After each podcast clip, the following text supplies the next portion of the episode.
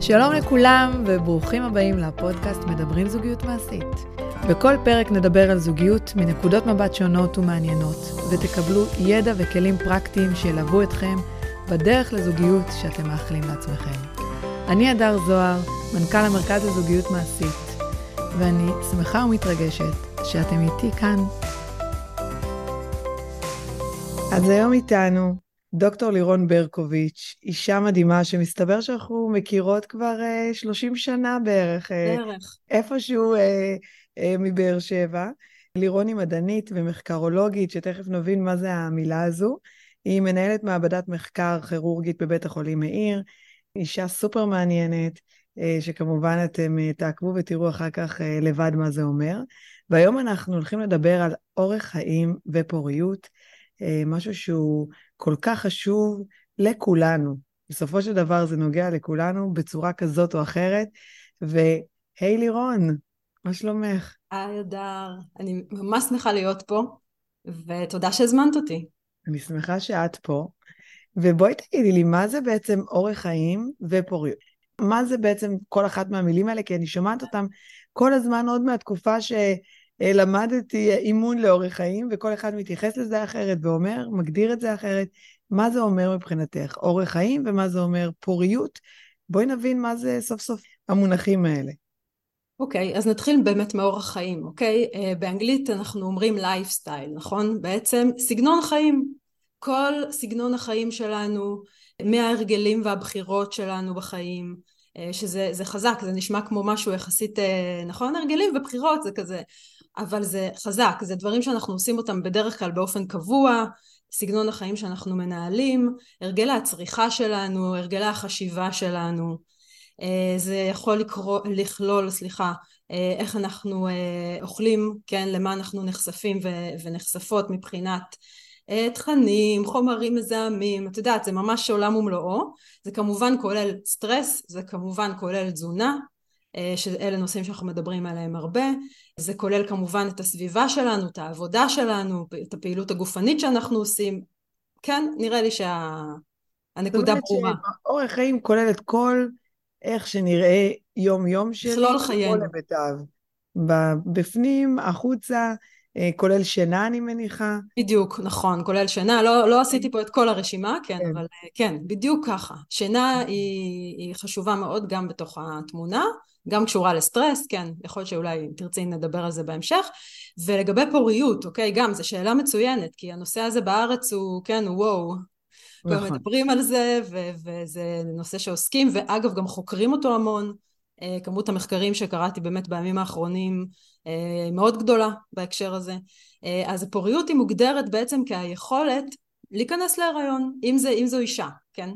ואם זה גבר זה היכולת להפרות בעצם.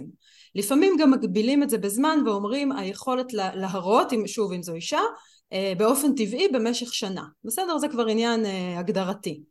אבל אה, ידוע שנושא האי פריון, כן, או הקושי להיכנס להיריון, הוא, די נפוץ והוא נוגע למשהו כמו 10 עד 15 אחוז מהזוגות היום שמנסים להראות ובעצם אי פוריות היא קושי, אה, כמו שזה משתמע, קושי להראות וקושי להיכנס להיריון, כן.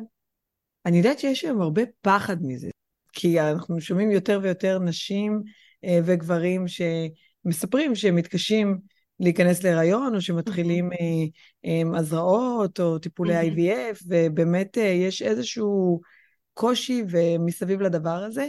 ואני יודעת שהרבה אנשים ב, שמתחילים או שרוצים להביא ילדים, יש להם פחד שזה לא יצליח. את חושבת שיש כן. השפעה לפחד הזה, או שזה ממש דברים ביולוגיים ש, שהם בתוכנו, אה, שמשפיעים על זה? זאת אומרת, האם לחרדה שלי מזה שאני לא אצליח להיכנס להיריון, יש השפעה על האם אני מצליחה או לא מצליחה? שאלה מצוינת. אני לא בדקתי ספציפית מחקרים לגבי חרדה, אבל קראתי את המחקרים שמדברים על סטרס, כן? אה, אני מאמינה שחרדה היא כלולה ו- ויכולה להיחשב היטב כחלק מסטרס פסיכולוגי, וסטרס פסיכולוגי בהחלט יכול, לפי המחקרים, כן, הם מראים שהוא יכול לשבש את ההצלחה של הסיכויים להיכנס להיריון. קשה מאוד למדוד אותו, כן, ולכמת אותו בצורה מדויקת, את כל הנושא של סטרס באופן כללי, ולכן ההנחיות והמסקנות של ההשפעה של סטרס על, על רמות הפוריות הן לא כל כך מדויקות ברמת המספרים, אבל אין ספק שהלך הרוח במחקרים, כן, אם תשאלי אותי, הלך הרוח הוא כזה שלסטרס יש השפעה משמעותית על ה-well-being של האנשים, נשים וגברים אה, בתהליכים האלה של אה, ניסיונות כניסה להיריון, אם זה באופן טבעי ואם זה בטיפולי פוריות, ובאמת אה, קראתי ממש באופן מפורש שהסטרס הוא נחשב לגורם שפוגע בפוריות, וחרדה כנראה נכנסת בתוך הקטגוריה. מומלץ, במחקרים הראו שהתערבויות שמפחיתות סטרס בזוגות ובנשים בפרט, משפרות את הסיכויים להיכנס להיריון. וואו, זה מדהים. האמת שאנחנו יודעים היום שסטרס הוא אחד הגורמים למחלות בכלל. אנחנו לא נסטה פה מהמקום הזה, נכון. אבל אנחנו נכון. יודעים שזה ממש מגיפה ב, אה, בעידן שלנו, והוא, זאת אומרת, אני חושבת שאולי נכון. זה מה שמבדיל אותנו מבעלי חיים, אגב, שלהם אין סטרס. נכון. יש הרבה מחלות שאין להם ולנו יש. נכון. אה, והסטרס נכון. הוא ממש גורם לתחלואה אה, סכרת, מחלות לב, הרבה מאוד אה, מחלות שבאות מהמקום הזה. בדיוק. אנחנו מדברות גם, אה, צריך לחדד, שהכוונה היא לסטרס כרוני. כשמדברים על נזקים של סטרס, אז מדברים או על סטרס בעצימות גבוהה, זאת אומרת שאנחנו חווים אירועי סטרס מאוד משמעותיים וגבוהים, ואז זה לא חייב להיות ממושך, אבל רובנו חשופות וחשופים לסטרס, אם זה מנטלי או אם זה פיזי, בצורה לא גבוהה מדי, יחסית מתונה, אבל קבועה וכרונית. ואז מתחילים להצטבר לאורך הזמן הנזקים והפגיעות בתהליכים אחרים, כן, כמו אה, סיכויי כניסה להיריון. אה, ובאמת ההמלצה היא להפחית סטרס באופן קבוע כחלק מהיום יום שלנו, ולהתייחס לפן הזה ברצינות. עכשיו, אה, זה שוב, זה עולם ומלואו, אני יכולה להזמין אה, מי שיאזינו, לה, את מי שיאזינו לפרק הזה אה, לחפש מידע על הנושא הזה בעמוד שלי באינסטגרם, אני מדברת הרבה על הנושא גם של סטרס ועוד נושאים שבקרוב נזכיר אותם בהקשר של אה, פוריות. ותכף נדבר על הנושא של דלקתיות, שזה גם עוד מנגנון שדרכו עובד הסטרס ופוגע בבריאות, ונגיע לזה. מעניין, יש, יש, למה, יש למה לצפות. תגידי, רגע לפני שאנחנו נכנסות ככה לתוך ה, ממש ההבנה של מה עוזר לאורך חיים מיטיב ומה יכול לשפר את הפוריות. מעניין אותי לדעת קצת מספרים גברים ונשים. האם יש הבדלים? אה, האם זה אותו הדבר? זאת אומרת שגברים ונשים סובלים מאי פוריות באותה המידה? יש הבדל בין גברים ונשים?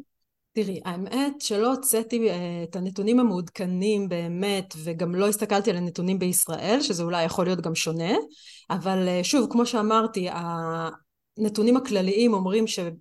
כ-10 עד 15 אחוז מהזוגות שמנסים להרות סובלים אה, מקושי, כן, ואתגרים, אה, אה, אתגרי פוריות נקרא לזה, והאחריות על הפוריות לצורך העניין, על הכניסה להיריון, על ההצלחה של ההפריה, כן, וההיריון גם באופן כללי, היא אחריות שמוטלת על שני המינים וצריך להגיד את זה, כן? תאורטית זה 50-50, נכון? יש את הזרע ויש את הביצית, זה תאורטית 50-50 לא יודעת אם זה אחד לאחד מדויק להגיד את זה, אבל לכל אחד מהמינים יש אחריות אה, משמעותית. וההשפעה של אורח החיים על, ה, על היכולת הזאת וה, והרמת פוריות הזו היא מאוד מאוד משמעותית. מחקרים מדברים בדרך כלל על עשרות אחוזים של אה, או שיפור או פגיעה, כן, תלוי בגורם וכולי. זאת אומרת ש... אם נחזור בעצם לשאלה המקורית שלך, ניקח את זה למקום של אחריות, כן? לשני הצדדים יש אחריות וההשפעה של אורח החיים היא מאוד משמעותית אפילו ביותר מחמישים אחוז לפעמים ואני אתן וואו, קצת נתונים מטורף. תכף זה מטורף זה. זה מטורף וחשוב גם לזכור שאני חושבת לא מניסיון אישי אבל ממה שאני הרבה שומעת שבמצבים של אתגרי פוריות נשים נוטות לקחת על עצמם אולי יותר אה, סטרס באמת, יותר אשמה על חוסר הצלחות, אני לא יודעת, זה, זה מאוד אינדיבידואלי. אה, אולי לא נוגע לכל אה, מקרה, אבל אה, צריך לא לזכור שזה לא רק ו... האישה, כן. אם לא נבדק וראו שהבעיה היא אצל הגבר, אז האישה באופן אוטומטי לוקחת את הרוב עליה.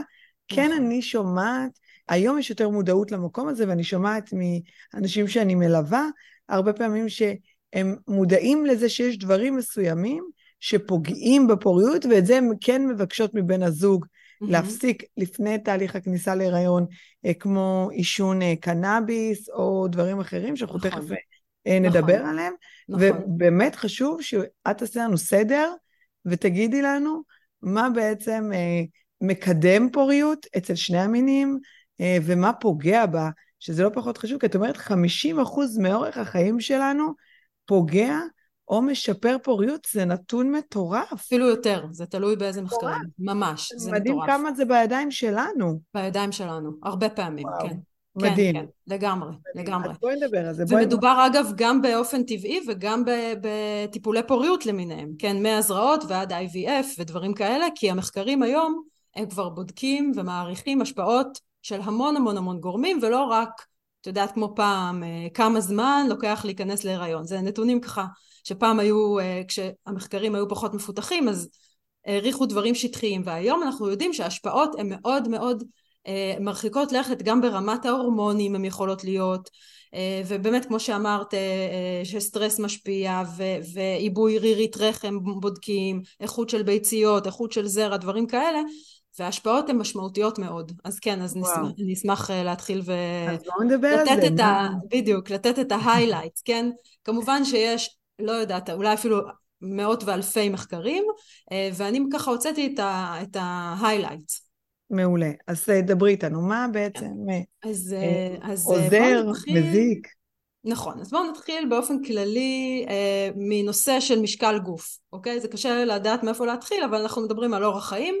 גם אה, משקל גוף הוא משמעותי, בעיקר בנשים, אוקיי? אה, BMI, שזה מדד זה body mass index, בעצם זה מדד מסת גוף, נקרא לזה, אני זוכרת mm-hmm. ככה מתרגמים את זה לעברית. אם הוא גבוה יותר מדי או נמוך יותר מדי בנשים, הוא פוגע בסיכויי פוריות שלהם. שמה זה אומר מדי? אני יודעת שזה 25 נכון. זה כאילו משהו כזה ממוצע טוב, נכון? נכון. אז מה זה אומר מדי? מה, 30, 40? Uh, BMI גבוה מ-27, לפי המחקרים, בהקשר של פוריות, כן? גבוה מ-27 זה uh, כבר הראה השפעה על פוריות, ירידה וואו. בפוריות בנשים, ונמוך מ-17. נכון, זהו, אז עכשיו כמובן ש-27, את יודעת, זה, זה שוב, צריך לזכור שאנחנו נותנות כאן מידע כללי, כן? כן. אם מישהי מחשבת ויוצא לה 28, אז שוב רוב הסיכויים שהכל בסדר, כן? והיופי שאפשר לשפר גם דברים אחרים, זה לא המדד היחיד, כן? כן. הפגיעה באמת המשמעותית באמת נראית ב-BMI אה, של אה, מה שנקרא השמנת יתר, לא משקל עודף, שזה כבר מעל 30, BMI. רגע, מה ההבדל בין אה, משקל עודף להשמנת יתר? אה, משקל עודף זה BMI, אם אני לא טועה, מעל 25 עד 30, ו- ו- והשמנת יתר זה מעל 30. אוקיי. כן. מעניין. אני מזמינה, מי שרוצים לחשב, לא חסרים מחשבונים של BMI. כן, BMI זה תוך שנייה בגוגל. כן, תוך שנייה בדיוק. ו-BMI בנשים, כן, נמוך מ-17, מש... בעצם זה, זה מדדי גוף שעשויים לשבש את הביוץ, להשפיע על ההורמונים בגוף שלנו ועל המחזור ההורמונלי, כן, ולהפחית את סיכויי ההצלחה של, כן, את הסיכויים להיכנס להיריון. מעניין, את יודעת, אני זוכרת שכשאני רציתי להיכנס להיריון הראשון, אז כל הזמן דיברו, זה היה די מזמן, הילד שלי בן 18 כבר, ודיברו על אחוזי שומן. אז כלומר, אנחנו מדברות, מה שאנחנו אומרות עכשיו זה קשור גם לזה שחייב להיות איזושהי מידה של אחוזי שומן בגוף האישה כדי שיהיה הריון תקין, נכון, או שזה נכון. לא קשור? אז זהו, אז אני אה, אמרתי ככה וזה נבלע לי בתוך המשפט הראשון, כן, BMI נמוך מ-17, אה, הוא אותו, אותו דבר, הוא פוגע בפוריות. אה, גם תזונה לקויה במובן של אכילה של מועטה מדי של קלוריות, זאת אומרת, לא, לא רוצה להשתמש במילה הרעבה, אבל, אבל כן, הפחתה קלורית בצורה ממושכת נמצאה כפוגעת בפוריות. זאת אומרת שאישה כן צריכה לאכול מספיק, לאכול בריא, שכבר נדבר יותר במדויק על מה זה אומר בהקשר של פוריות, אה, לשמור על משקל בטווח ה-BMI התקין, שזה אומר מעל 18-19 אה, ועד 25, 6, 7, זה, זה הכי מומלץ, כן? כמובן ש... אין מה לעשות, יש התאמה אישית, יש נשים שהן מאוד רזות מטבען, אין מה לעשות. צריך לקחת בחשבון שזה יכול לגרום להם אה, לטיפה קשיים בפוריות, ובדרך כלל מה שראיתי זה זמן ממושך יותר אה, שלוקח להיכנס להיריון. כן, זה לא כאילו ממש מונע, אבל זה יכול להשפיע על שלוקח יותר זמן, יש יותר אתגרים. וגם ראיתי מחקר שנעשה בארצות הברית והוא הראה שנשים שבצעירותן, זאת אומרת נערות שנמצאות בהשמנת יתר, הסיכוי שלהם להישאר ללא ילדים בסופו של דבר בחיים אולטימייטלי מה שנקרא הסיכוי שלהם להיות ללא ילדים הוא כפול משל וואו. נערות שלא היו במשקל יתר זאת אומרת שיש פה איזושהי השפעה יכול להיות שהיא גם סביבתית, חברתית, ביולוגית, הורמונלית והכל הכל ביחד. זאת אומרת שכן, משקל הוא גורם. זאת אומרת, זה לא, זה לא רק משקל, כן, זה BMI, כן? הוא כן, גורם. כן, ברור. ואצל גברים? גם אצל גברים אותו BMI גבוה מדי או נמוך מדי, אני חושבת שהסקאלה שלהם היא קצת אחרת, אבל זה לא משנה, אפשר לבדוק את זה גם במחשבונים. מה שלא בנורמה, עשוי להוריד את ספירת הזרע. אוקיי, מעניין. בגברים. זאת אומרת שגם אצל גברים למשקל יש השפעה על ספירת הזרע. על ספירת הזרע, כן. וואו, כן. זה נתון מטורף. כן. אף פעם לא שמעתי את ה... זאת אומרת, אצל נשים שמעת, זה מישהו, משהו שאתה לא מפיל אותי מהכיסא, אבל אצל גברים נכון. לא שמעתי נכון. אה, בשום מקום שאומרים שיש קשר. אין ספק שהרבה יותר מתעסקים באחריות הנשית פה, אין ספק, בדיבור מה שנקרא, כן? נקרא לזה בדיבור הרווח. הרבה יותר מתעסקים בהשפעות הנשיות, באחריות הנשית, ו- ופחות מתעסקים באחריות הגברית. וכן, גם משקל עודף או משקל נמוך מדי בגברים משפיע על ספירת הזרע. פחות בדקו את זה בתוצאות הפריון אצל גברים, mm-hmm. כן? אבל זה, זה לא משנה, ספירות זרע נמוכות, אחד לאחד משפיעות על פריון, כן? או לא איכותיות, כן? מהמם, חשוב ממש לדעת את זה. אז זה ממש ממש חשוב, וגם זה, זה משמעותי בטיפולי פוריות, הנושא הזה של משקל תקין, כי הראו שנשים שהיו במצב של השמנת יתר, כן? היה להם סיכוי יותר גבוה ללידות מה שנקרא שקטות. וואו. כן, זאת אומרת ששמירה על משקל תקין משפר את הסיכוי ללידת חי, שזה גם עוד מדד שמודדים אותו בהקשר לפוריות, כי יש את הקטע של להיכנס להיריון, אבל יש גם את ההמשך של לשמור על ההיריון, אוקיי? זה גם חלק מהעניין. אז יש גורמי, גורמי סביבה שמשפיעים יותר על הפוריות בשלב של הכניסה להיריון, ויש כאלה שעשויים להשפיע יותר דווקא על משך ההיריון והסיכוי ללידה בריאה ו... כן. אז רגע, אז בעצם כשאתה אומר משקל תקין, זה איך שנכנסתי להיריון, או, מה, או בזמן ההיריון? כי בהיריון נגיד אם שמנתי 30 כנראה קילו... כנראה שמדדו לפני, ש...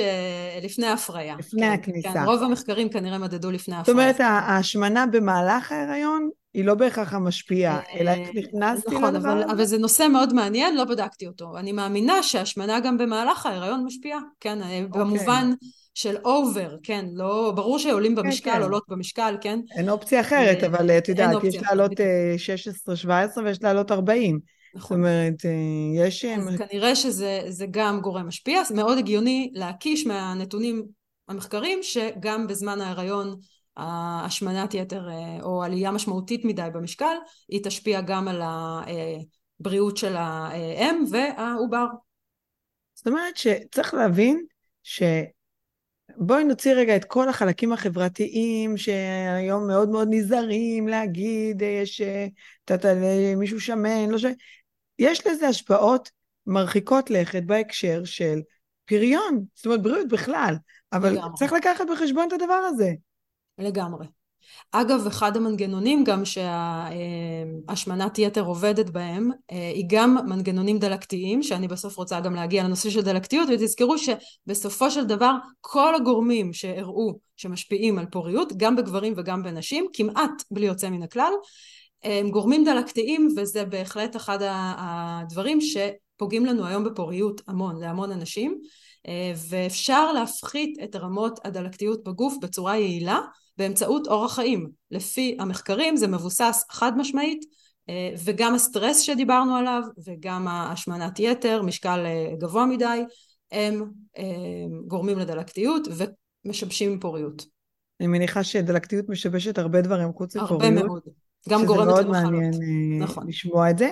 אבל תגידי, כשאת אומרת, כשאנחנו מדברות רגע על משקל תקין וכולי, האם סוג התזונה משפיע? זאת אומרת, בטח. האם אני יכולה להיות במשקל נגיד של BMI 24, אבל אני אוכלת אה, ג'אנק, מעט ג'אנק, אבל אוכלת ג'אנק בעיקר, או ב-24 BMI, אבל אה, אוכלת אה, תזונה שהיא יותר מזינה כביכול, פחות מעובדת כן. אה, וכולי. יש השפעה לסוג כן, התזונה? בס- בסופו של דבר, המחקרים אומרים שההשפעה של אורח החיים הכי הכי חזקה היא של תבניות תזונה. זאת אומרת שאם אנחנו ממש משקללים את כל הגורמים שמשפיעים על פוריות באורח החיים, כן? אז תבניות התזונה הן המשמעותיות ביותר. אוקיי? רציתי שנגיע לזה בסוף, אבל זה, אפשר להגיד את זה בכל שלב. כן, חד משמעית. אם יש איזשהו רקע מסוים באמת שקשה לשמור על משקל תקין, קשה לעשות פעילות גופנית מתונה, כל הדברים האלה, כן? קשה לנו למתן סטרס וכולי וכולי. אז צריך לזכור שעדיין תבנית, התזונ... התבנית התזונתית בנשים וגברים, אגב, אני וידאתי את הנתון הזה, תבניות תזונתיות בנשים ובגברים הן המשמעותיות ביותר בהשפעה על פוריות. אוקיי, רגע, אני צריכה שנייה הסבר למה זה תבנית תזונתית.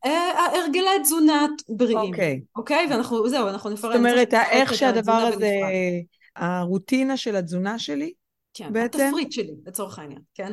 אוקיי. החוזר, שהוא, שהוא הרגל, שהוא הרגל, כאילו יום יום. כן. נכון? כאילו מדי פעם אני יכולה לאכול מה שבא לי, אבל את מדברת על בעצם איך נראה יום יום שלי מבחינת תזונה. בדיוק. אז מה... בדיוק, אבל רגע, בוא נראה אם יש משהו לפני תזונה, okay. ואז נגיע לתזונה, כי יש. יש גם את הנושא של פעילות גופנית, נגיד רק בשתי מילים. כדאי mm-hmm. לעשות פעילות גופנית מתונה ובריאה. ההמלצות הן מינימום שלוש פעמים בשבוע, באופן מתון, מינימום חצי שעה בכל פעם, אבל כדאי גם יותר. פעילות גופנית בסיסית היא מומלצת באופן כללי, בהקשר של פוריות קצת פחות ראיתי, מה שיותר ראיתי זה המלצה להימנע מפעילות גופנית יותר מדי מאומצת, אוקיי? פעילות גופנית בעצימות גבוהה מדי, יותר מפעמיים שלוש בשבוע, מורידה את הפוריות, במיוחד בנשים. מה זה, בוא נבין מה זה עצימות גבוהה. אז כתבתי יותר, כתבתי יותר מארבע שעות בשבוע, ציטוט ממחקר, כן? יותר מארבע שעות בשבוע לנשים ויותר מחמש שעות בשבוע לגברים. פעילות מאוד מאומצת כמו ספינינג, gymnastics, כן, משהו מאוד מאוד אינטנסיבי, יכול להיות שהיום הקרוספיט. קרוספיט. נראה לי שקרוספיט זה נחשב בקטגוריה של עצימות גבוהה, מאוד. אז יותר מארבע שעות בשבוע להיזהר, כן, אפשר לעשות בקטנה, אולי שעה, פעם בשבוע, כן, משהו כזה, אולי זה בסדר. יותר מארבע שעות זה ההמלצה של המחקרים, שזה פוגע בפוריות, ואנחנו לא רוצות להגיע לשם. אז כן, אז גם ריצה נחשבת, ריצה כמובן מאוד אינטנסיבית, לא של חמש דקות. אז כן, אז סך הכל לכיוון הארבע שעות בנשים וחמש שעות בגברים. שזה הגבול העליון. כן, כדאי לא, לא להתקרב אליו, וזה okay. גורם לירידה בפוריות. זה בהקשר של פעילות גופנית. תגידי, אימוני כוח, שזה היום... אימוני כוח, אני חושבת שזה בסדר אם זה בגדר המתון, כי זה כן מומלץ בפעילות הגופנית המומלצת, על ידי כל ארגוני הבריאות בעולם, מומלץ שלוש פעמים בשבוע לעשות פעילות אה, אה, גופנית עד, עד מתונה, זאת אומרת אה, רגילה עד מתונה, ופעמיים בשבוע אימוני כוח, מתונים כמובן. זאת אומרת שזה כן מומלץ. שלוש פעמים פלוס פעמיים? זה המלצות, כן, okay. כן. אוקיי. שלוש פעמים, אבל את יודעת, ההליכה של חצי שעה, שלוש פעמים בשבוע, ארבע פעמים בשבוע, זה, זה מאוד מאוד מעט, ומומלץ לעשות שני אימוני כוח קצרים בשבוע, אני לא זוכרת כמה זמן, okay. אוקיי. בטח איזה חצי שעה גם, וזה מומלץ. זה, זה כן כנראה בריא, לא בדקתי ספציפית אימוני כוח ופוריות, לא מדברים על זה הרבה, כנראה שזה בסדר. אוקיי. Okay. הנושא של עצמות גבוהה הוא המודגש. לשים בעיקר לב לגבולות. זאת אומרת, מאוד חשוב לעשות, אבל גם לעשות בגבול. כלומר, לא, לא להיות עכשיו באיזשהו מקום שאתם כל היום בחדר כושר, עד ארבע שעות לא להגיע לגבול הזה כשאנחנו רוצים להיכנס להיריון. אחרי זה נכון, תתמודדו נכון. עם ההשלכות. נכון, אוקיי. בדיוק. כי כמובן שפעילות גופנית היא חשובה לשמירה גם על משקל תקין, וזה מומלץ, בגדר הנורמלי. בגדר בטח ה... בעידן שאנחנו פשוט יושבות מול בדיוק. מחשב כל היום. בדיוק, בדיוק, בדיוק. אוקיי. אפשר להשתמש אוקיי. גם בפעילויות גופניות כמו יוגה להפחתת סטרס למשל, אז אה, בטוח, אני אישית ממליצה, אני לא, לא קראתי מחקרים ספציפית על יוגה ופוריות, ואני מאמינה שהפחתת הסטרס והפעילות הגופנית הבריאה המתונה והמאוזנת, אה, למשל בפעילויות כמו יוגה ופילאטיס, הן מומלצות בוודאות לשמירה על... צריך לזכור שאנחנו גם רוצות אה, להכין את הגוף שלנו לקראת ההיריון, שיהיה באופן אופטימלי אה, בבריאות שלו וב... אה, כן, במצב מספיק טוב כדי להכיל את ההיריון, זה לא פחות חשוב. נכון. נכון, וגם פחות הפחתת כאבי גב, נכון.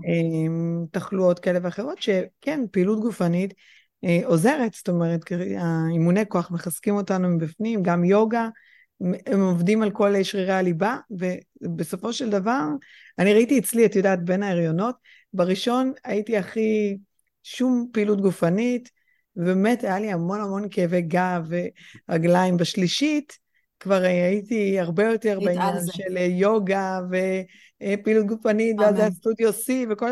ובאמת, פיזית, היה לי, אמנם הייתי מבוגרת יותר בגיל, מש... כמעט בשבע שנים, אבל הרגשתי שיותר קל לי פיזית, פחות כאבי גב, להחזיק את, ה... את ההיריון. ממש. יש לזה, יש לזה את המשמעויות. אגב, גיל מעניין אותי uh, בהקשר הזה, של כן. פריון. אה, כי נכון שזה לא בדיוק האורח חיים שלנו, אבל אה, אם, אם רגע אולי נכון. נגיד איזושהי מילה, שיש יש, לגיל כן, כמובן כן, כמובן, השפעות. זה גם מדברים הרבה, זה נכון. מעל גיל 25 מתחילות, מתחילים להיות שינויים מדידים, נקרא לזה ככה. מעל גיל 25 מתחילים להיות שינויים מדידים ברמות הפוריות, בעיקר בנשים.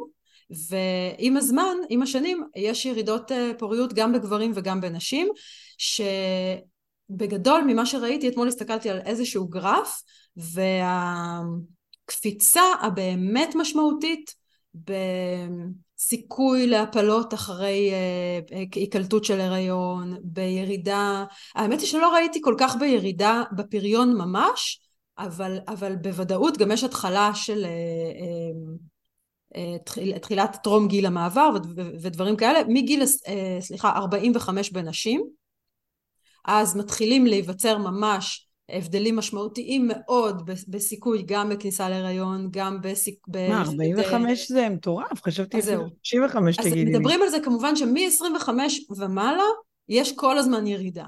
אבל אוקיי. זה לא נכון, אני, אני גם חשבתי שהירידה התלולה היא בעצם מ-35 נכון. בצורה משמעותית. ממה שאני התרשמתי מהמחקרים שהסתכלתי אתמול בגרפים שמסכמים, דווקא התרשמתי שיש ירידה די מתונה ו- ו- וקבועה מ-25 עד 45, פחות או יותר, כן, בקצב קבוע, והסיכוי ל- ל- להיכנס להיריון באופן טבעי עד גיל 45 הוא לגמרי נורמלי, זאת אומרת, אה, וואו. כל עוד יש ביוץ, ו- ויש uh, אורח חיים כן בריא ובריאות uh, של האם לצורך העניין וכמובן גם של הגבר כי הפוריות של הגבר היא גם משפיעה פה ואנחנו מדברות על זה כן אז, uh, אז uh, יכול לקחת יותר זמן אבל אפשר עדיין להיכנס להיריון טבעי זה נכון, מדהים. זה, זה יכול להיות קצת יותר מאתגר, כן, אבל הרבה דברים יכולים להיות יותר מאתגרים, נכון. כן, זה תלוי בבריאות זה... הכללית.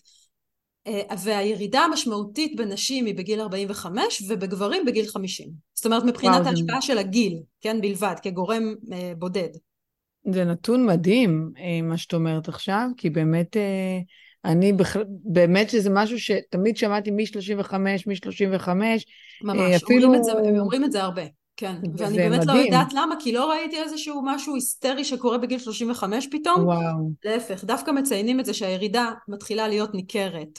אה, במידה מסוימת, כן, בפוריות בגיל 25 בנשים, בגברים פחות, כי לא כל כך רואים שינויים כנראה עד אה, שנות ה-40 שלהם כזה, ואז אה, כן, בנשים עד גיל 45, זאת אומרת שוב, זה גם אינדיבידואלי, צריך לזכור. כמובן, תמיד. והסיבה שזה אינדיבידואלי היא הרבה בגלל לייפסטייל, צריך לזכור. Okay. אוקיי. מעניין אותי א', האם בעידן שלנו יש יותר קושי להיכנס להיריון מאשר, את יודעת, אם ניקח 30 שנה אחורה, 40 שנה אחורה, לפני כל האוכל המעובד והרגלי החיים והטלפונים והסטרס וכל אה, החשיפה שיש לנו אה, להרבה דברים. מעניין אותי אם יש אה, ככה, אם יש הבדלים. בואי נתחיל, בוא נתחיל בשאלה אם היום קשה יותר להיכנס להיריון מפעם. אז, אז בגדול לא ממש, זאת אומרת אם אנחנו מדברים על גילאים צעירים יחסית ו... הפריה טבעית, אוקיי? כי כמובן שטיפולי הפוריות הם שינו את כל התמונה, אוקיי? אז, אז קשה לשקלל אותם באותה קטגוריה של קל או קשה להיכנס להיריון, זה משהו אחר, כן? לגמרי. אבל אם אנחנו לוקחים באופן כללי את הנתונים, וזה גם, אני מצטטת ממשהו שקראתי אתמול, היום עדיין סך הכל הזוגות שמנסים להרות בשנה הראשונה, באופן טבעי, 80 אחוז מהם יצליחו. מדהים. אוקיי? עדיין, היום. עם כל הקשיים שאולי יש באורח חיים וההשפעות הסביבתיות שאנחנו תכף נדבר עליהן, אה, ותזונה וכאלה, עדיין בשנה הראשונה באופן טבעי 80% מהזוגות יצליחו וזה לא משנה באיזה גיל, אוקיי? סביר להניח שאם המצב הוא יותר טוב והחבר'ה הם יותר בריאים ויותר צעירים, אז הם יצליחו תוך כמה חודשים, נגיד תוך חצי שנה, כן? ואלה שפחות אז יצליחו יותר. אה, אה, לאורך יותר זמן, ייקח להם. אבל בסך הכל זה נתון אופטימי. מאוד. זאת אומרת, אז אין איזשהו משהו שאפשר להגיד שעכשיו אנחנו נמצאים בעידן ש... הרבה יותר קשה אה, להרות מפעם. אני לא חושבת, אה, יכול להיות שיש... באופן טבעי. אה, שאולי הייתה איזושהי עלייה אה, באתגרים של פוריות באופן כללי. אבל אה, אני לא יודעת אה, לכמת את זה. זאת אומרת, אה, רואים שבשנים האחרונות, אולי בעשור האחרון, יש הרבה יותר בעיות בספירות זרע ואיכות זרע של גברים למשל. יש גם את הקטע שהרבה דוחים באמת את, את הגיל של נכון. הקמת המשפחה, ונשים רוצות לשמר את הפוריות שלהם לאורך יותר זמן, גם באופן טבעי וגם באופן לא טבעי, נכון? אז הדברים האלה הם כן מובילים לנתונים סטטיסטיים שיש להם יותר בעיות פריון אולי. אבל כן. אני לא יודעת איך לכמת את זה, אני, לא, אני חושבת שבסך הכל המצב עדיין אופטימי. אוקיי. ויש טוב. מה לעשות כדי לשפר, אם נתקלים, אם אתם במקרה ב-10% או 15% האלה, שנתקלים באתגרים. אז היום יש יותר מה לעשות, זה בטוח, מפעם. כן. אז בואי נמשיך באמת באורח חיים. דיברנו ככה על תזונה, דיברנו על משקל, דיברנו על פעילות גופנית, דיברנו על סטרס. יש נושא שאותי מאוד מעניין, שזה עישון כמובן. נכון, יפה, זה בדיוק, הנה, אנחנו מסונכרנות. אה, אני מכניסה את הנושא הזה של עישון בתוך נזק חמצוני, אוקיי? אה, נושא של נזק חמצוני זה חשיפה סביבתית בדרך כלל. גם הגוף שלנו גם מייצר אה, רדיקלים חמצניים ונזק חמצוני, זה אגב קשור לפעילות הגופנית המאומצת מדי שדיברנו עליה קודם, אבל אין מה לעשות, אנחנו חיים וחיות ואנחנו מייצרים באופן אה, אה, טבעי גם נזקים חמצוניים מבפנים. מה שאנחנו כן יכולים לעשות זה להפחית את החשיפה החיצונית והסביבתית שלנו לעוד עודף ואקסטרה אה, ועומס של נזקים חמצוניים מבחוץ, כמו עישון למשל, כן, את שאלת על עישון וזה מאוד מאוד מעניין. עישון או עישון קנאביס? עישון אה, סיגריה גם עישון וגם עישון קנאביס. גם עישון וגם עישון קנאביס, אני בדקתי את זה. יכול לפגוע בפוריות הגברית בעיקר. נשים זה אין שאלה, זאת אומרת, גם... את לא רוצה להיות מעשנת כשאת נכנסת להיריון, זאת אומרת, זה כדאי לא, מאוד... לא, שאלה לפני. האם, כן, האם, אז, האם, אז האם אני נגיד אישה שמעשנת, אוקיי, אני, אפס, אני, אני אפסיק כשאני אכנס להיריון, אבל האם זה יפגע לי בסיכוי להיכנס להיריון? בהחלט, בהחלט. וואו. נזקים חימצוניים הם גורמים להזדקנות של השחלות שלנו, ולפגיעה באיכות הביציות, ו- ולפעמים גם לשיבוש של הביוץ עצמו. אה, אז נזקים חימצוניים הם מאוד משפיעים על פוריות, גם בנשים וגם בגברים. אני יכולה להגיד לך שלגבי עישון של אה, אה, קנאביס ו- ו- וטבק, מה שנקרא, כן, עישון של סיגריות וקנאביס, הסתכלתי במחקרים בעיקר לגבי גברים, והפגיעה בפוריות היא ביותר מ-50 אחוז.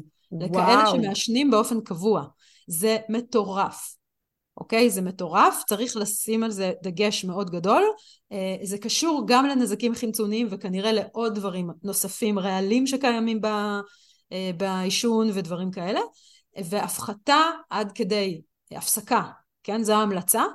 של הפסקת עישון בכל צורותיו ושל כל דבר, כן, שמשתמע מזה, אה, בתהליכי אה, כניסה להיריון, וכמובן בהיריון גם, כן. יש זמן, זאת אומרת שנגיד, אה, אם תגידי לי חודש לפני זה לא, לא רלוונטי לכאן לא, לכאן, חודש כאילו אתה מעשן. בדיוק, אז מה זה אומר, נגיד אנחנו זוג שרוצים להיכנס להיריון, נכון. שנינו מעשנים קנאביס. כמה זמן לפני ההמלצה היא להתנקות אז זהו, אז ניקוי מוחלט של הגוף זה שוב גם דבר אינדיבידואלי, אבל המחקרים מדברים על, על סדר גודל של שנים, אני חייבת להגיד. Mm. הנורמה, אם, אם אנחנו אומרים ש, שנזקים חמצוניים ועישון וכולי, הם פוגעים בפוריות ב, וזה מתבטא בנתונים של אחוזים, אז נורמליזציה חזרה של האחוזים האלה במחקרים לוקחת שנים. וואו. זאת אומרת שאנשים שרוצים להפסיק צריכים לעשות את זה הרבה זמן, הייתי אומרת לפחות שנה לפני, ולקחת את זה בחשבון שלגוף לוקח זמן להתנקות. זה נכון שהגוף מתנקה, לשמחתנו הגוף יש לו יכולות פנומנליות לשקם את עצמו, לנקות את עצמו, להחלים אה, ולהבריא, אה, אבל צריך לתת לו את האפשרות וזה לא קורה בחודש או חודשיים. צריך להבין, זה לא הפסקת אלכוהול נגיד, שאלכוהול זה משהו קצת אחר, אפשר לדבר עליו תכף, וזה לא צריך לעשות את זה שנתיים מראש. אבל כן, נזקים חמצוניים, כדאי לעשות אותם כמה שיותר מראש במושגים של שנים.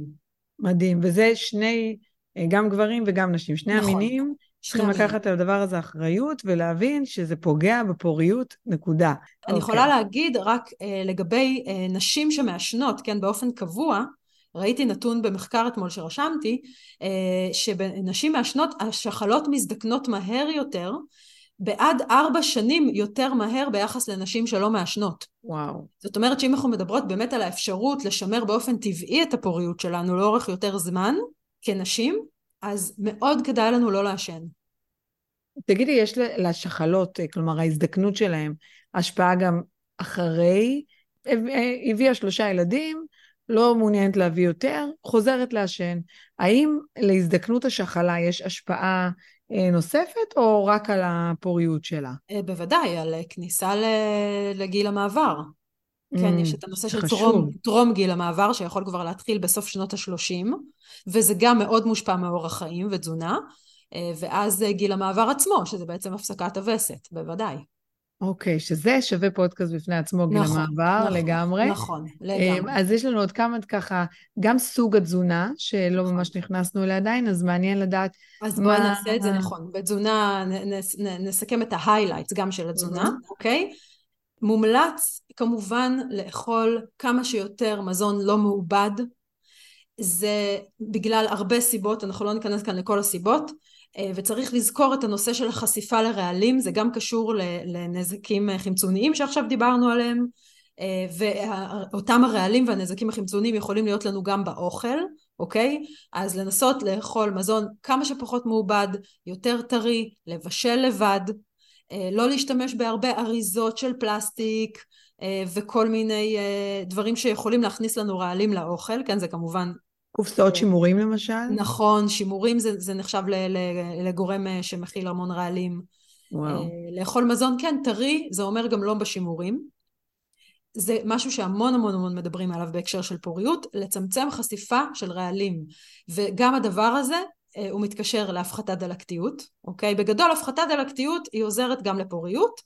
על זה אפשר למצוא גם אה, הרבה מידע. רגע, בשר, אה, בשר, כי אני יודעת שבשר בואי, אדום גם בואי. יש אה, עניינים איתו. נכון, אז בואי נדבר גם על בשר. ספציפית, אוקיי, בשר הוא מוסכם כגורם שפוגע בפוריות, ואני לא יודעת אם הרבה יודעים את זה. בכל בשר? יכול להיות, כן. כאילו גם חזה עוף נגיד? אה, בשר באופן כללי, כן. וואו. אה, בעיקר כמובן בשר אדום. תמיד אומרים ש... הכי הרבה זה בשר אדום, אבל תשמעי, בואי, גם בעוף אה, ובכל מיני מוצרים אחרים מן החי, כי אני לא ניכנס פה לענייני כשרות, אה, יש בהם פחות או יותר את אותם הרכיבים, כי לא תמיד זה כמות השומן או כמות הכולסטרול. עצם העובדה שצורכים שומנים מן החי, שהם שומנים דלקתיים, הם נמצאים גם אגב במוצרי חלב, אז, אה, אז המוצרים כמו בשר ומוצרי חלב, הם מכילים היום גם המון אנטיביוטיקות, המון הורמונים, המון רעלים, והסוג של השומנים שהם מכילים הם שומנים רבועים ולא מומלצים. אוקיי? ספציפית וואו. בשר הוא ידוע כמגביר הפרעות בביוץ, הסיכוי שיהיו שיבושים בביוץ הוא גבוה יותר בקרב נשים שאוכלות בשר, אה, וגם פוגע בסיכויי ההצלחה של טיפולי פוריות, וזה מוכח מחקרית. אה, מאוד כדאי להגדיל אכילה של שומנים בריאים. כמו? כן, כמו אה, אבוקדו, אבוקדו אגוזים, לאכול אומגה שלוש, אם זה בזירי צ'יה ופשטן. כמובן שאגב בתהליכי הכניסה להיריון, כן, והניסיונות, אז מוסיפים את הדברים האלה גם לתזונה, כן, בצורת תוספים הרבה פעמים.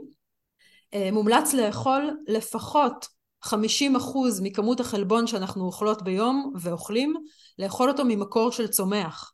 אוקיי? אה, החלבונים ממקורות אה, צמחיים הרבה יותר בריאים, באופן כללי תזונה שמבוססת צומח. איזה, איזה חלבונים יש במקור צומח? כאילו בעדשים? במה יש? כן, נכון. Okay. אוקיי. יש הרבה חלבונים בקטניות, בקוסמת, כן, קוסמת אולי גם קטניה, אני אף פעם לא תמיד שולפת את הנתונים האלה. ו, אה, וסויה, אגב, הוצאתי ממש, אמרתי, אוקיי. סויה, כן, כי אני יודעת שסויה, היא, יש עליה כל כך הרבה שמועות, שהיא יותר מזיקה, ממש. אפילו הנטורופטית שלי אוסרת עליי לאכול כל דבר, לא, לא טופו ולא סויה ולא שום דבר ש, שקשור לזה. לגבי סויה, בגברים ובנשים, ספציפית לגבי פוריות. וזה פשוט מדהים שנשים שנמצאות בטיפולי פוריות, יש להם סיכויי אה, הצלחה ועיבוי של רירית הרחם, כן? כל מיני מדדים שבדקו בהקשר של טיפולי פוריות, סיכוי להשתרשות עוברית גבוהה יותר ולידת חי ובריאות האם בלידה גבוהה יותר, ונשים ש... אה, צורכות סויה ואיזופלבנים, זאת אומרת החומרים הטובים שנמצאים בסויה, וואו. משפרים פוריות ומשפרים אה, בריאות של אה, אישה הרה ו- ו- ויולדת. בגברים אותם המוצרים סויה ואיזופלבנואידים משפרים ספירות זרע. זאת אומרת שסויה כן, כן וכן בהקשר הזה של פוריות. כמובן שזה מידע כללי וכמובן שאנחנו לא מתאימות פה כן את כל אחד ואחת. ברור. דברים, יכול להיות שנטורפטית שלך ספציפית אמרה לך לגבי משהו אחר, וזה תמיד יכול להיות, אבל אה, לגבי פוריות פרופר, מומלץ לצרוך סויה. זה לא רק לא להימנע, אלא מומלץ לצרוך וואו. סויה. רגע, סויה זה גם uh, טופו? כי טופו זה סוג כן. של עיבוד אה, של הדבר עדיף הזה. עדיף כמה שפחות מעובד. באופן כללי, אמרנו, אמרנו, כמה שפחות כן. מזונות מעובדים. אז בעצם מה זה סויה לא מעובדת? איך, איך אוכלים סויה? מה... בגדול, טופו זה, זה, זה עיבוד מינימלי, חשוב להסתכל שזה יהיה בלי אה, הנדסה גנטית, כן, ובלי mm. חומרים משמרים, ובלי תוספים, דברים כאלה, שהרבה פעמים הם מתחבאים לנו, כן, חומרים משמרים, דברים כאלה, אז עדיף סויה כמה שיותר טבעית, כמה שפחות מעובדת, ולאכול את הפולי סויה עצמם, את האדממה. אוקיי, okay, מעניין. כי הרבה מחקרים שבודקים את ההשפעות של הסויה, הם בודקים, הם משתמשים באדממה. הם לא מתחילים עכשיו, כן, mm. כן, יוגורט... בדיוק, חלב סויה. וחלב ו... סויה לא, אז זהו, בחלב סויה גם אין הרבה, אין הרבה, זה לא באמת סויה, זה, זה כמו לשתות מים. שקדים. ממש, ממש. 6 אחוז שקדים, או שיבולת שועל, 6 אחוז שיבולת שועל, כל השאר אלוהים ישמור מה יש שם. בדיוק, בדיוק. אז זהו, אז בכלל חלב סויה זה בכלל לא סויה, כן, אני, זה תמיד מצחיק אותי. ומדברים על מוצרים ממש, כן, של סויה. אז uh, כדאי לאכול את הסויה בצורה הלא מעובדת שלה, בדיוק כמו שכדאי לאכול את כל שאר... נכון. תגידי, בדגים. אני יודעת שדגים גם יש כן, בהם כן. ככה, סוחבים איתם הרבה נחושת, הרבה... אז, אז בעבר דגים נחשבו ממש לבריאים ומומלצים נכון. ומשפרי פוריות, כי פעם דגים באמת הכילו המון אומגה שלוש, שזה מומלץ, אה, זה שומנים בריאים. והיום הם מכילים הרבה פחות, אם בכלל, אומגה שלוש, ומכילים באמת המון רעלים אחרים שלא מומלצים לנושא של פוריות. אמרנו את זה בהקשר של רעלים קודם, ונזקים חמצוניים, מתכות כבדות, אה, יש אותם היום בדגים אה, בכמויות גבוהות, צריך להמעיט ולצמצם ככל הניתן באכילת דגים לשמירה על הבריאות היום. לצערנו, הם מכילים גם שאריות של פלסטיק, וואו. וחומרים מחמצנים אחרים, אם זה דגים שגדלים בבריכות, הם מקבלים המון טיפולים, אה, כמו אנטיביוטיקות גם כן, כמו אה, אה, בעלי חיים אחרים שהם גדלים בצורה מלאכותית, וכל הדברים האלה אנחנו מכניסות לגוף שלנו כשאנחנו אוכלות אותם. צריך להמעיט גם היום באכילת דגים. אני לא אומרת לא לאכול, כי שוב, מסורתית אומרים שדגים הם, הם מומלצים, אבל היום אנחנו יודעים שיש הרבה עדכונים בעשור האחרון, במיוחד בשנים האחרונות, שדגים, להרבות באכילת דגים זה לא מומלץ, בגלל הרעלים.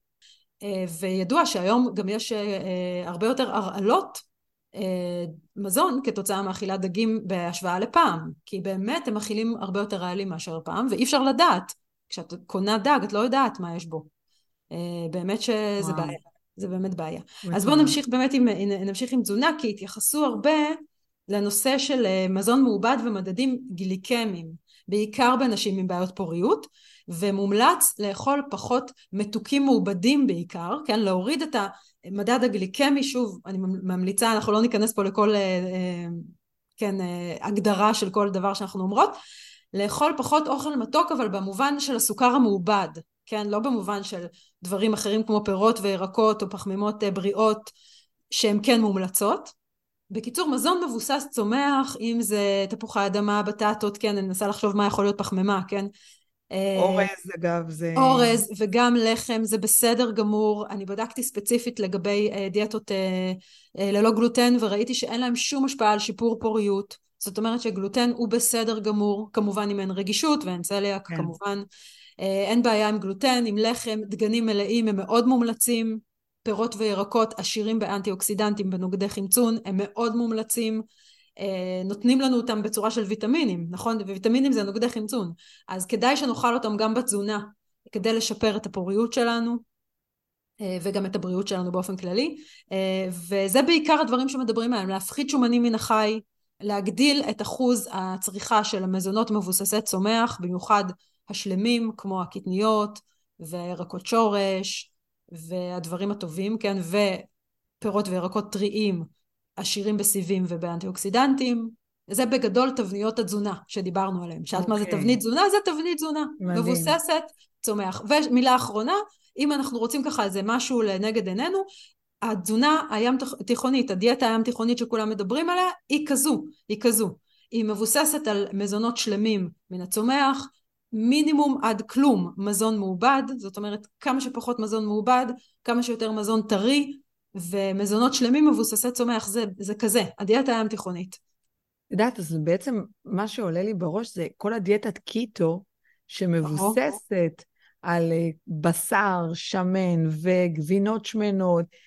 מדברים המון המון המון על הנושא של קיטו בהקשרים בריאותיים אחרים.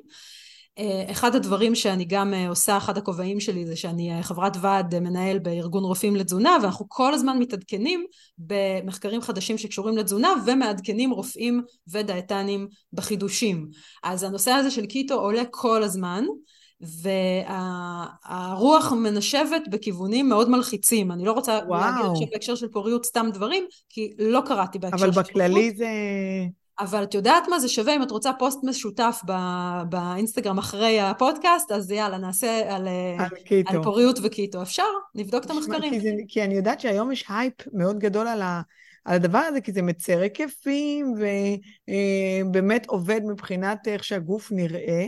אבל אני שמעתי דברים מחרידים על הקיטו אגב כולל ממש פגיעה בריאותית, אחוזי נכון. סרטן שעולים אה, נכון. בעקבות. שוב, אני לא חוקרת ואני לא רופאה ואני לא שום דבר. מתוך התעניינות אה, כללית בתזונה, אני שמעתי דברים מחרידים על, על המקום הזה. נכון, אה, לטווח רחוק, כל המחקרים שמראים הטבה של דיאטות הקיטו, אם בכלל, על מדדים כמו משקל ופיטנס ודברים כאלה, הם מחקרים מאוד מאוד קצרי טווח. ולאורך זמן אין לנו כמעט מחקרים ש, שמעריכים את ההשפעות, ואנחנו רואים שכשמתפרסמים מחקרים כאלה לאט לאט, הם כמו שאמרת, השם ישמור. אוקיי. אז תבדקו טוב. באמת, שאתם... אה, אני לא רוצה להיכנס פה לנושא הזה, כי שוב, גם בהקשר של פוריות לא קראתי, אבל... אוקיי, אבל זה מעניין. יש, יש מקום ל, ל, להרחיב על הנושא הזה, והוא אוקיי. נושא גם מאוד מאוד נפיץ, ונשמור אותו ל... אוקיי. ל"ג בעומר.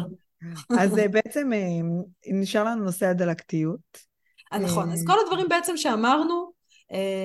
בוא נבין מה זה דלקתיות רגע. בעצם קשורים. כי בראש שלי דלקתיות זה שיש דלקת בגרון ומישהו נותן לך אנטיביוטיקה. שאני לא נכון. רוצה לחשוב מה אנטיביוטיקה עושה לכל ה... לגוף שלנו. גם אנטיביוטיקה היא יכולה לאורך זמן לשבש לנו באופן כללי דברים בגוף וגם לגרום לנזק חמצוני.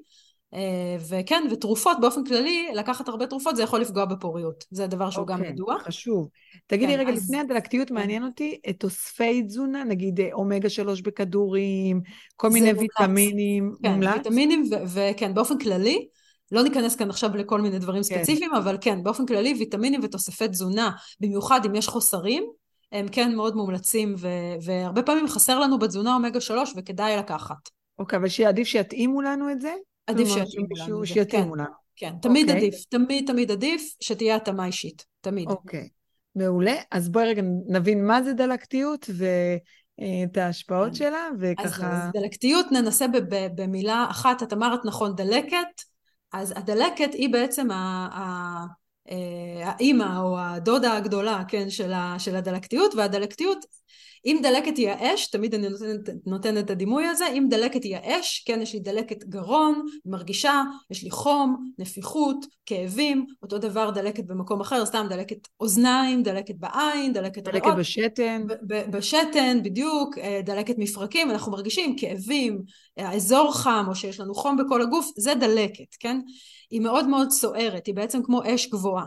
הדלקתיות היא, היא, היא משהו יותר על אש קטנה יותר מתחת לרדאר, זאת אומרת שקשה לכמת אותה, קשה למדוד אותה, אבל היא שם, כן, זה כמו אש קטנה, כמו שלוקחים את האש ומנמיכים אותה, והיא יותר כללית, כלל גופנית, שהיא נמצאת לנו בכל הגוף, זאת אומרת שיש דלקתיות בגוף, היא נמצאת בכל הגוף, והיא משפיעה על כל המערכות והאיברים בגוף שלנו.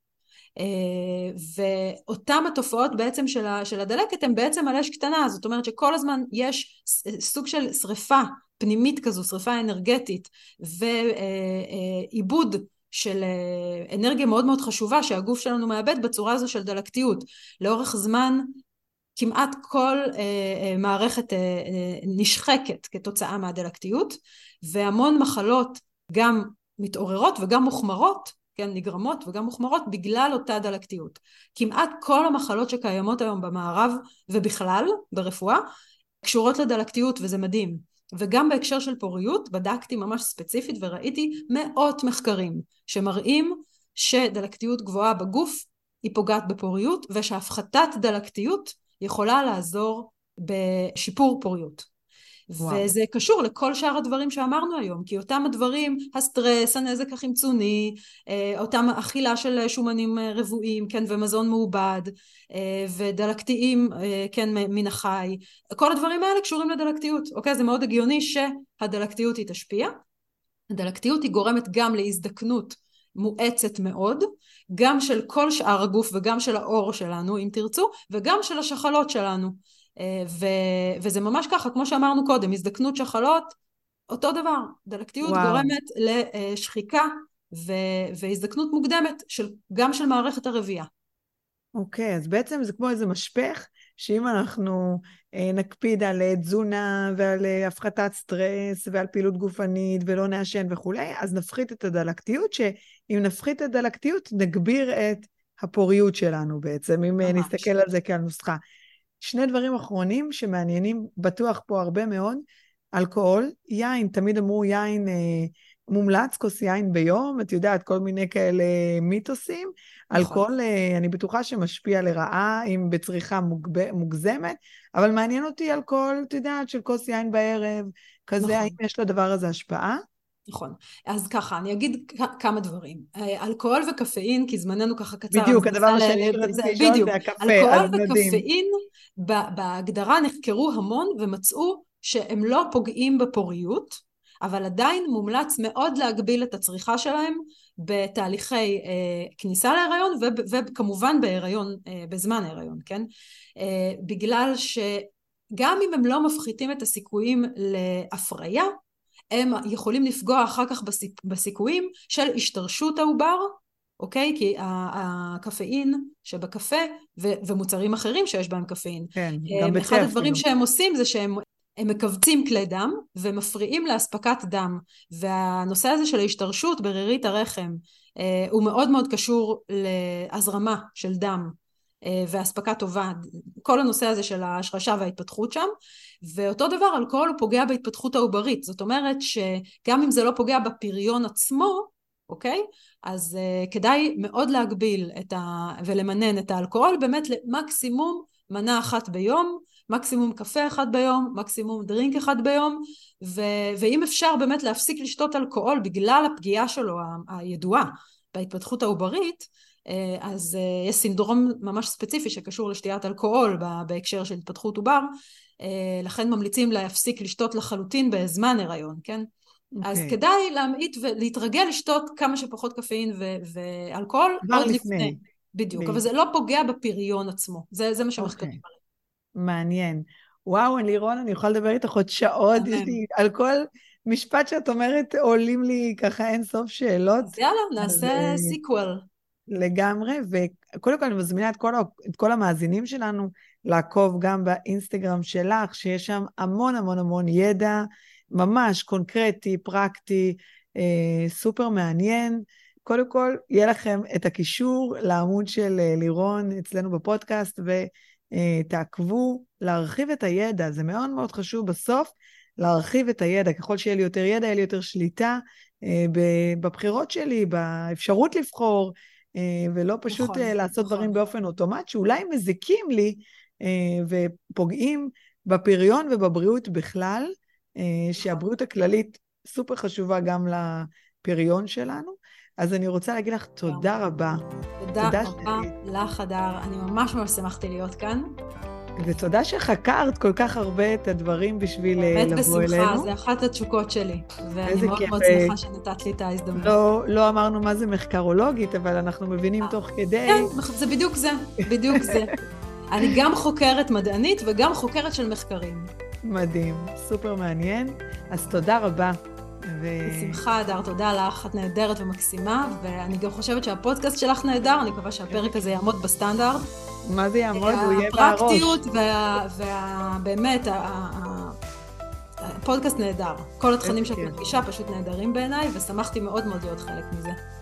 אנחנו נתראה בפרק הבא של מדברים זוגיות מעשית, ועד אז, עקבו אחריי באינסטגרם, אדר זוהר אחד, ושוטטו קצת באתר שלנו, יש שם הרבה דברים מעניינים, המרכז לזוגיות מעשית, אדר זוהר.com. מחכה לראותכם. ביי.